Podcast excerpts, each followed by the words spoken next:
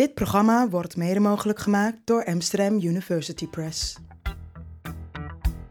Vanuit Amsterdam is dit Onder Media Doctoren, de podcast waarin communicatiewetenschappers zich verwonderen over de media. Het is slechts een kwestie van tijd, maar we gaan er allemaal aan. Onvermijdelijk zal de ster waar wij allemaal om draaien ermee ophouden. Over zo'n 5 tot 6 miljard jaar zal de zon sterven. En voordat dat gebeurt, zal zij uitdijen, waarbij de kans groot is dat ze de aarde als het ware opeet. Een prachtig beeld voor het einde der tijden. Ik denk eigenlijk niet dat het zover zal komen. De mensheid zal eerder tot een einde komen, namelijk wanneer de machines het overnemen. Als science fiction fan zit Judgment Day stevig in mijn hoofd. En dan doel ik dus niet op de Bijbelse dag des oordeels, maar op het keerpunt uit de filmreeks The Terminator. De apocalyps spreekt tot de verbeelding. We zien beelden van de eindtijd niet alleen in films en series, maar ook in de journalistiek gaat het er vaak over. Als het gaat over de opwarming van de aarde, bijvoorbeeld.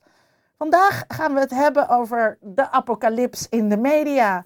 Waarom is dat narratief van de apocalyps zo aansprekend? Ik ga erover praten met mijn vaste mede-mediadokter, Dr. Vincent Kronen. En met onze speciale gast, Dr. Laura Kopier. Zij is universitair docent aan de Universiteit Utrecht en gespecialiseerd in de uitwisseling tussen de Bijbel en film. Welkom. Dankjewel. Beide. Laura, eh, ik noemde net al even de Terminator. Uh, kan je een paar andere voorbeelden geven van apocalyptische uh, films? Ja, dat ligt eraan wat, je, wat voor smaak je wilt. We hebben natuurlijk uh, apocalyps, maar we hebben ook de post-apocalyps, die ook onderdeel is van heel veel films. kan je het verschil uitleggen? Nou, het, het, is vrij simpel. Bij een apocalyptische film moet de apocalyps nog plaatsvinden. Bij een post-apocalyptische film heeft de apocalyps plaatsgevonden. Ja. En zien we een samenleving, een wereld, een systeem dat zich probeert ja, staande te houden nadat er een soms nader gedefinieerd, soms niet nader gedefinieerde ramp heeft plaatsgevonden. Denk aan krakers als Waterworld. Uh, de Mad Max trilogie is een mooi voorbeeld van post-apocalyptische film. Ik ga er nu op in omdat dat niet mijn specialisme is. Um, dus je kan zeggen, is het een apocalyptische of een post-apocalyptische film? Um, is het een heel sterk bijbels geïnspireerd film? Uh, materiaal of juist niet? Uh, Oké, okay, maar doe eens wat voorbeelden van apocalyptische films. Uh, een van de, mijn favorieten is 2012.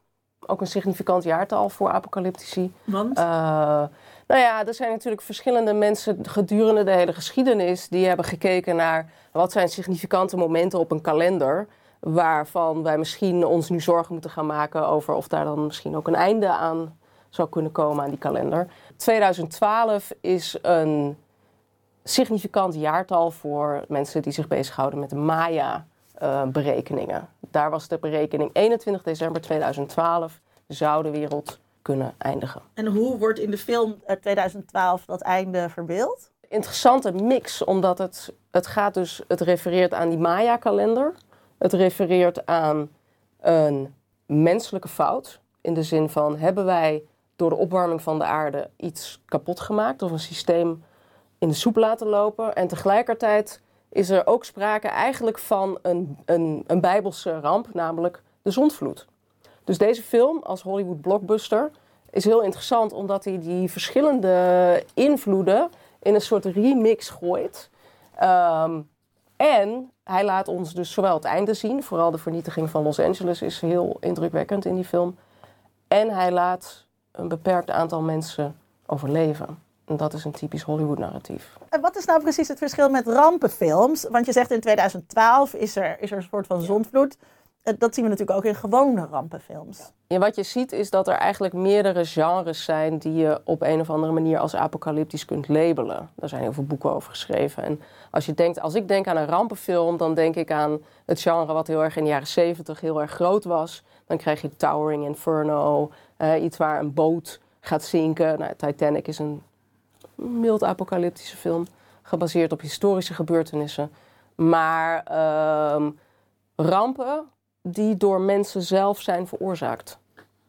Niet door goddelijk ingrijpen. Ik denk inderdaad een groot verschil is dat bij rampen er gebeurt iets door toeval. Eh, waardoor iets fout gaat en hoe we daarop reageren. Maar bij de apocalyptische films die jij aanhaalt, is er ook altijd een schuldvraag eigenlijk. Waarom iets gaat gebeuren. Het is iets wat we over onszelf hebben afgeroepen. Waar we ons dan tegen, daar moet iets goeds tegenover staan.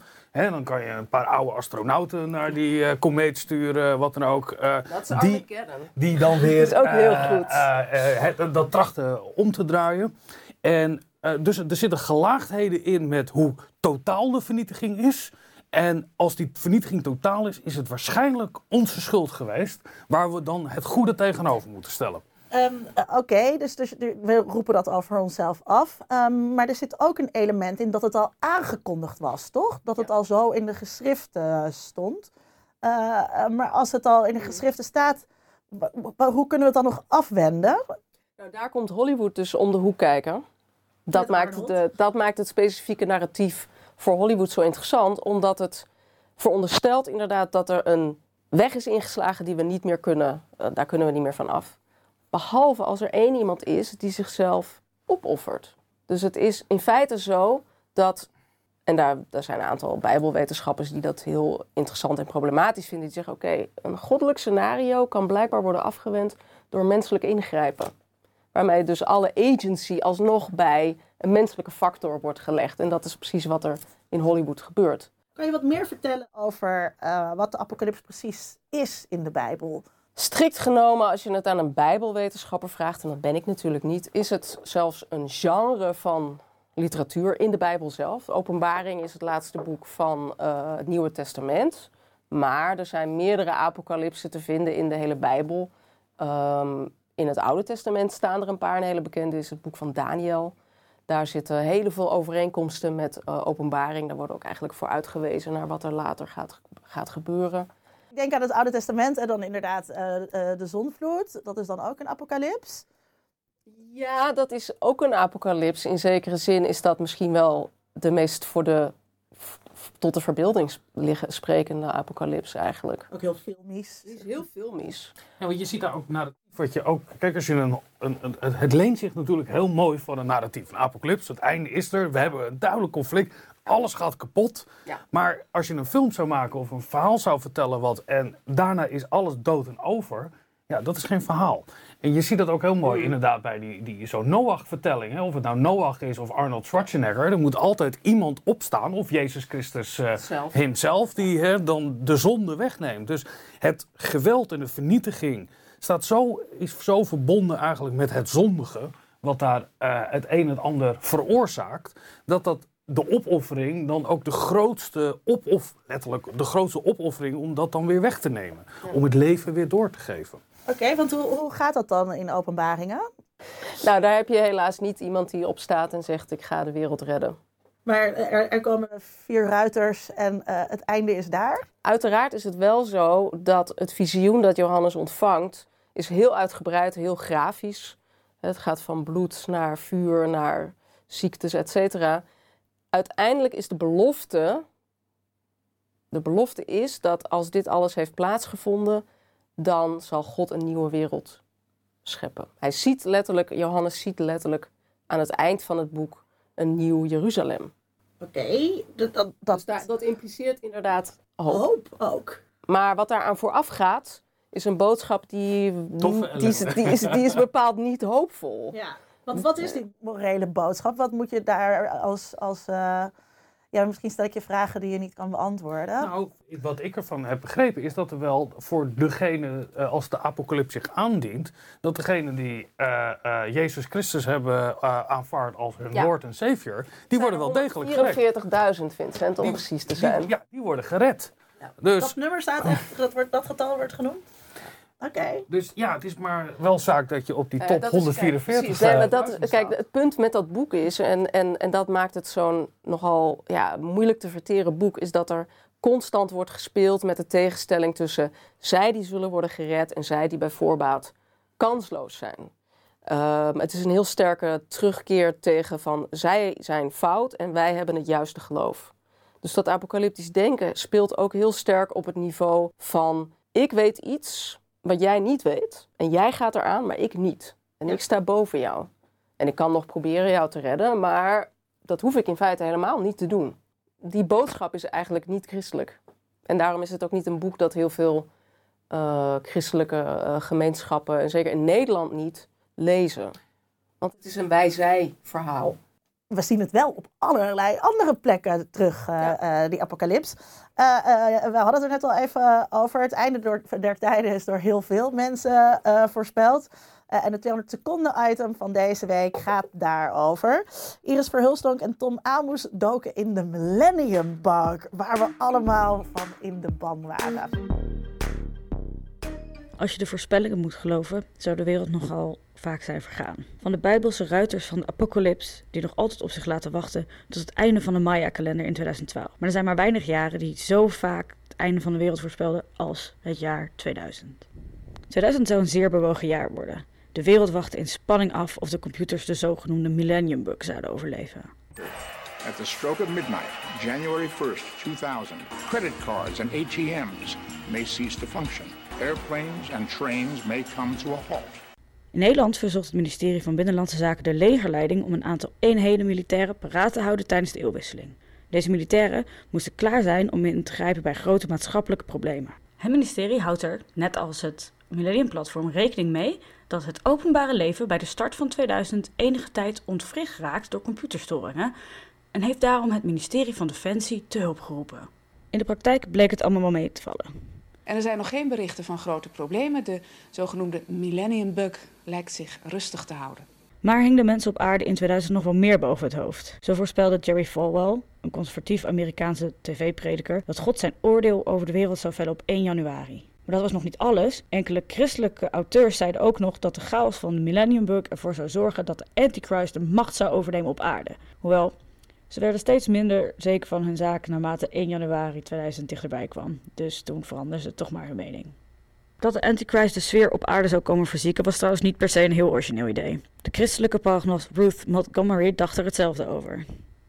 Vanuit verschillende christelijke stromingen was trouwens niet helemaal duidelijk wat er nou precies zou gaan gebeuren. Want er werd ook voorspeld dat het duizendjarige rijk van Christus in 2000 zou beginnen.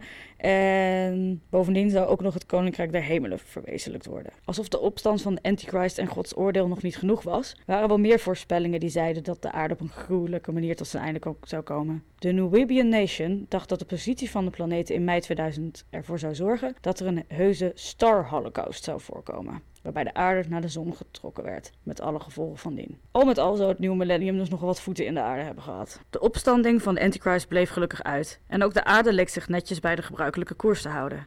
2000 werd niet het voorspelde rampjaar. Maar echt rustig slapen kunnen we nog niet. In 2020 zal na de voorspelling van Jane Dixon, een beroemde Amerikaanse astroloog en prognost, de Armageddon plaatsvinden, waarbij Jezus Christus terugkomt op aarde om Satan, de valse profeet, en ook opnieuw weer de Antichrist te verslaan. Klein detail, Eerder voorspelde deze dame ook al dat de wereld zou eindigen op 4 februari 1962. Kunnen we toch nog rustig ademhalen. Uh, uh, ja, 2000, Laura, was jij in die tijd al bezig met de, de apocalyps? Uh, niet, in deze, in, niet in deze vorm, maar ik kan me nog wel heel goed herinneren dat ik inderdaad bezig was met, met cd'tjes om al mijn bestanden van mijn computer af te halen. Uh, en dat het inderdaad een totale flop uh, bleek te zijn. Y2K. Ja, we lachen er nu om. Uh, maar dit was, dit was echt serieuze business. Was dit apocalyptisch denken? Ja, absoluut. Dit, dit is weer terug te voeren op het idee dat zodra we een significante omslag krijgen in onze kalender, of dat nou het jaar 1000 is, of het jaar 1500, of 1600, of 1900, of 1950, zodra er een soort van significant getal komt op de kalender, dus noem het 2000, gaan mensen in de stress schieten. Volstrekt belachelijk. Want onze kalenders zijn uiteraard gebaseerd op een misrekening. Om daarmee, en, en, een, en een getal met drie nullen is inderdaad heel aansprekend. En dat roept allerlei dingen op. Maar het is een feitelijk, het is een niet-rationele angst. Terwijl bij Y2K was hij natuurlijk een soort van gerationaliseerd in die computertechnologie. Zat daar niet ook eh, angst achter dat we te afhankelijk geworden waren van die technologie? Het is altijd een weerspiegeling van een angst die op dat moment leeft in een samenleving. Dus als je naar een Hollywoodfilm kijkt, dan zie je de zorgen over ons milieu. Je ziet de zorgen over de atoombom. Je ziet de zorgen over een niet of soms heel expliciet gedefinieerde ander. als je de geschiedenis gewoon doorkijkt, zie je iedere, iedere apocalyptische dreiging zegt eigenlijk iets over ehm, het specifieke moment waarop die film is gemaakt. Dus computers waren inderdaad toen al heel erg dominant. Wat is inderdaad een werkelijkheid met de ene en nullen? We hadden de Matrix natuurlijk gehad in 99. Is er inderdaad een universum wat wij niet kunnen kennen? Dat is heel apocalyptisch. En wordt dat ons geopenbaard op het moment dat het crasht? Past precies binnen die gedachte van A, het is een significant kalenderpunt. En B, daarmee kunnen we al onze angsten als het ware projecteren. Ik zei het net al eh, in de inleiding. In onze tijd wordt dat einde der tijd eh, vooral gezocht in de klimaatverandering. Wat, wat ik mooi vind is dat eh, het, het- er is een soort moeder aarde. Hè? En moeder aarde, wij, gaan, wij hebben moeder aarde eigenlijk het gezicht van afgewend. En we hebben haar uitgebuit. En uiteindelijk zal moeder aarde ingrijpen. Hè, die zal met dezelfde middelen, en dat zien we dan, gaat het regenen en dan gaat het stormen. En dan, dan verzuren de zeeën. En we zullen uiteindelijk allemaal stikken in onze eigen, in ons eigen hoogmoed. Het is een ontzettend verhaal over hoogmoed, over wat wij in de afgelopen 150 jaar hebben gedaan, wat bestraft dient te worden. En degene die wij het hardst in het gezicht hebben eh, gekwetst, hebben weggelegd, moeder aarde grijpt in. Moeder aarde is gewoon God in dit verhaal. Dit is een oud-testamentische God die ons uiteindelijk zal bestraffen voor onze hoogmoed. En uiteindelijk zullen wij weggevaagd worden. Want vaak bij dit soort verhalen zitten ook, wat gebeurt er dan eigenlijk? Hè? Wij zullen onszelf vernietigen, de mens. Ja. En er zijn mensen die zeggen, dat is misschien maar beter ook. Want de aardig is beter af zonder de mens. Dus de, de, de grote vernietiging van onszelf hebben we ook aan onszelf te danken. Dit is het laatste moment dat we kunnen kiezen. En als we nu niet kiezen, zullen we vernietigd worden. En staan jij aan de juiste kant van de geschiedenis, doe je het niet voor jezelf. Een letterlijke tekst uit de campagnes. Doe het dan voor je kinderen. Of eigenlijk voor je kinderen van je kinderen. Dat gaat over rentmeesterschap. Nou, dat, dat, als er iets bijbels is, is het dat wel natuurlijk. Ja, je geeft wel een erg eco-warrior eh, interpretatie eh, nu. Als je de Bijbel leest op eh, inhoud wat betreft eh, moeten we de aarde beschermen, daar worden wel dingen over gezegd inderdaad. Hè? Dat je niet zeven jaar lang dezelfde akker moet hè, bezaaien, et cetera. Eh, maar dit is heel typisch een voorbeeld van hoe een apocalyptisch wereldbeeld heel specifiek wordt gekoppeld aan waar iemand staat. Dus jouw wereldbeeld is, je, je overdreven het misschien een heel klein beetje, uh, maar het idee van we moeten moeder aarde beschermen, dat idee is natuurlijk heel sterk opgekomen in de jaren 60, hè, de Club van Rome, waarbij we opeens dan het idee krijgen van oh, er gaat hier iets mis. Um, dat is één manier waarop je, naar, waarop je een apocalyptisch wereldbeeld kunt aanhangen. Ja, maar je ziet het, want kijk, het, het is een buitengewoon sterk uh, argument wat je kan maken. Als je zegt, als we deze kant op gaan, het is vijf ja, voor twaalf, nu moeten we even, ingrijpen. Ik wil even daar naartoe, want uh, volgens mij is het dus ook een bepaalde manier van uh, verslag doen. Mm -hmm. Want je had het net over politieke marketing. Maar journalisten bedienen zich daar uh, natuurlijk uh, ook van. Hè? Als we nu niets doen, dan ja. nemen de moslims uh, het over. Klopt dat? Ja, wat, wat weer opvalt is dat, wat ik eerder zei, is het idee dat, dat openbaring als narratief werkt heel sterk met een tegenstelling. En juist op het moment dat je gaat benoemen welke groep het gevaar vormt, dan, dan bevind je je inderdaad in, in die tegenstelling tussen wij en zij. Nu krijgt het de vorm misschien van islam. Is de godsdienst waar we ons toch terdege zorgen over moeten maken. Maar dat is in een langer perspectief is dit, hebben we het gehad over katholieken. De katholieken zijn ook door vele interpretaties in de Bijbel aangewezen. De paus als de verbeelding van de antichrist. Ja. En dat is nog niet eens zo heel erg lang geleden. En die kracht zit dus in het narratief. Het narratief het een, roept iets het op. Is een, het is een fundamenteel kosmologisch verhaal, bijna Star Wars zou ik zeggen. Waarbij we een aantal goede krachten hebben en we hebben negatieve krachten. En er is één iemand die het visioen heeft gezien en volgen we dat ja of nee. Er is een groep die geselecteerd is en die is uitverkoren. Die heeft kennis, die kan er iets misschien mee doen, maar misschien ook niet. En de rest heeft pech. Ja. En in feite, als je nog dieper gaat inzoomen, dan zie je dat één groep waar in ieder geval altijd, die altijd zeg maar klappen krijgen, zijn de vrouwen. Dus ook, het is ook een heel vrouwenvriendelijk verhaal. Waarom? Wat is er mis met ons? Ja, nou ja, je kan of een, het klassieke idee van je bent of een hoer of je bent Maria. En in openbaring is er een uh, hele sterke hoer, de hoer van Babylon. Uh, waar mensen het nog steeds over hebben. Uh, en die wordt op een dit is een metafoor, wordt gezegd. Hè? Het is een stad, dus daar moet je niet van denken dat het een vrouw is. Maar zij wordt op de meest gruwelijke wijze wordt ze uit elkaar reten. Het is een soort van moord, moordlustig verhaal van al het slechte dat vrouwen kunnen doen, of waar ze van worden beschuldigd, wordt daar in één keer wordt dat afgerekend. Dus er zitten heel veel lagen in van het wij-zij-denken, vrouwenvriendelijk, oorlogszuchtig, um, wraak. Um, uh, uh, Vincent, is er ook een rechtse en een linkse apocalyps? Nou ja, dat denk ik zeker. Als je, uh, ik, ik verwees al even naar de verkiezingen en als we, jij haalde de islam aan, er worden vaak termen gebruikt als tsunami of een plaag van. Dat zijn alsof het een soort natuurkrachten zijn die hier over ons heen zullen spoelen. Als een, als een enorm, ja, wat ik zei, een soort natuurkracht. Um, als dat past binnen een rechtswereldbeeld, dan is er inderdaad een wij-zij. Nou, we hoeven niet heel lang te gaan discussiëren uh, hoe dat in elkaar zit binnen een rechtse maar, ideologie. Even, maar aan de linkerzijde is dat hetzelfde verhaal met het Precies, milieu. Dat, ja, aan de linkerzijde zie je dat uh, onder meer aan het milieu. Maar je ziet het ook ergens anders. Namelijk, uh, we zijn lang in staat geweest om het populisme in te dammen.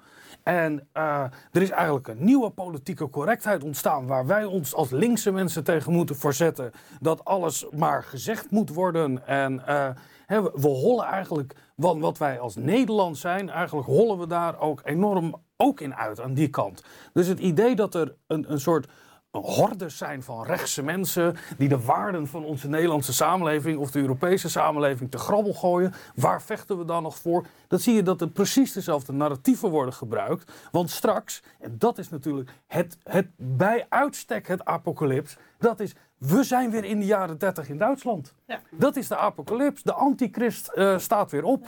Maar dus dan zeg je eigenlijk, er is geen rechtse of linkse apocalyps, maar zowel rechtse als linkse mensen bedienen zich van deze van retoriek. Is vertoog. Ja. Ja. ja. De uiteinden zijn ze zo extreem dat ze elkaar bijna weer raken. Hebben ze meer met elkaar gemeen dan ze zelf zouden willen. Ja, dat lijkt mij dus ook. Wat, is er dan ook nog een verschil met complottheorieën? Die zitten daarin.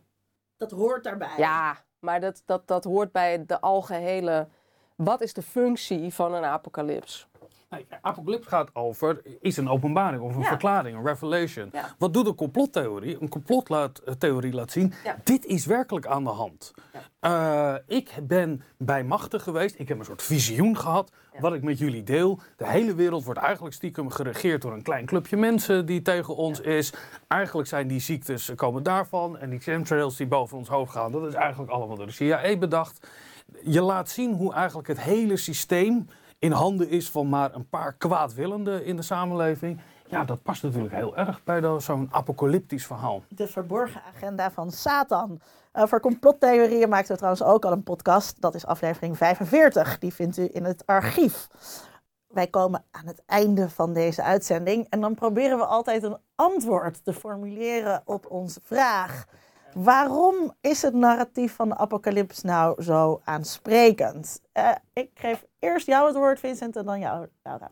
De apocalyps is de ultieme cliffhanger. Namelijk, een, hè, de cliffhanger is een moment dat je denkt: gaat dit wel goed aflopen? Hè, zal, zullen we blijven hangen of worden we toch nog gered? Maar dan niet één iemand aan een cliff. Nee, fucking iedereen. En dan is het natuurlijk het moment: zullen we dan nog wel gered worden? En we zien dat in fictie. En dan kunnen we spannend denken. En dat lijkt natuurlijk tot hele mooie visualisaties, kan je dat laten doen, zoals je zei in LA. Maar ik denk dat het in non-fictie eigenlijk nog een veel belangrijkere rol speelt. Omdat ze daarbij niet weg kunnen. Maar het is een oproep. Het is een directe oproep. Je moet nu in actie komen. Jij moet een keuze maken. Sta jij aan de juiste kant van de geschiedenis? Hoor je bij ons of hoor jij bij de ander? Dat is het apocalyptisch vertoog wat ontzettend aanwezig is. En ja, tot actie leidt. Laura? Nou, ik heb een iets andere insteek. Ik denk dat er, er zijn meerdere antwoorden op de vraag. Maar de reden waarom het eigenlijk zo'n ontzettend uh, ja, succesvol, blijvend succesvol verhaal is. Omdat het mensen die erin geloven, mensen die zeggen inderdaad, ik geloof dat het zo gaat gebeuren zoals het in de Bijbel staat. Die zijn in staat om in een hele complexe samenleving, complexe wereld waarin wij ons nu bevinden als individu, om daar betekenis aan te geven en daar een grotere uh, structuur in aan te kunnen brengen. het begin hebben we niet meegemaakt. Wij zitten ergens in het midden, om maar even Franse filosofen uh, aan te houden. En het einde gaan we waarschijnlijk ook niet meemaken. Hoe moet ik daar betekenis aan geven? Dus dat is één manier om een hè, volgens narratologen om een begin, midden en einde aan je leven te geven. Want er zit dus ook een stukje uh, chronocentrisme in. Het idee dat jouw tijd de allerbelangrijkste, de allerbelangrijkste tijd is. Of niet. Want je kunt ook zeggen, wij gaan het toch niet meemaken, dus het maakt niet uit. Na ons de zonvloed. Ja. En dan is het, en daarom een ander punt waarom het zo aansprekend is, en dat hoe complexer een samenleving is, hoe interessanter, hoe op, opwindender het is om te kijken wat zou er gebeuren als het kapot zou gaan. Hoe moet ik dat me voorstellen? Wat zou ik doen? Is dat dan ook een, een, um, een bijna masochistische fantasie? Tuurlijk. We kunnen niet alles kapot maken. Je kan je eigen huis kapot maken, dat moet je dan maar vooral doen. Maar als je wilt kijken naar een groter systeem waarin je niks bent, maar je wel onderdeel van bent, hoe zou dat eruit zien als dat gedeeltelijk wordt afgebroken? Vincent? Nou ja, ik, ik, het is meer een persoonlijk standpunt. Maar kijk, als de aarde dan toch moet vergaan, zou ik het helemaal niet dan. Misschien is dat wel heel erg egocentrisch gedacht. Nou, zo'n beetje zo na mijn zeventigste, dat, we dat, dan, dat, ik dat, dat ik dat stukje dan nog wel meemaak. Dat verlangen om een, soort, eh, om een soort closure te hebben, weet je wel. Het einde, om daar een onderdeel van te zijn. Ja, dat, dat, dat herken ik wel als gevoel dat dat een onderdeel zou moeten zijn. Dat, dat ik dat fijn zou vinden als dat een onderdeel van mijn leven zou zijn. Uh, daar wordt natuurlijk wel mee gespeeld dat onze tijd inderdaad de belangrijkste is. Dat wij de laatste generatie zijn die uh, de schuld op ons dragen. Hè? Dan, dan komen we weer op dat eerdere punt wat ik maakte. Welke wereld dragen wij eigenlijk over aan de anderen? Dus daar zit aan de ene kant een verlangen in om daar een onderdeel van te zijn. Maar aan de andere kant komt dat ook met schuld. Er zit ook schuld bij, maar ook een soort narcisme dat wij misschien wel de laatste zijn. U heeft het einde van deze aflevering gehaald. Uh, dit was aflevering 54 van de podcast onder Mediadoktoren. Het is handig als u zich abonneert. Dat kan via iTunes, Stitcher of Soundcloud. We hebben ook een prachtig YouTube-kanaal. Alle informatie staat op ondermediadoktoren.nl. Deze uitzending werd gemaakt door Tom Aalmoes, Volkert Koehoorn, Narien Eschmel, Sebastian van der Pol, Pim Prins en Iris Verhulstonk. Dank aan mijn mede-mediadokter, Dr. Vincent Kronen. En veel dank aan onze gast, Dr. Laura Kopier. Wij zijn er weer over twee weken. Wat er dan staat te gebeuren, weten we nog niet. We hopen dat we er nog zijn en we hopen dat u er ook weer bij bent. Graag tot dan. Onder Mediadoktoren is een podcast van Vincent Kronen en Linda Duits. Meer informatie vindt u op ondermediadoktoren.nl.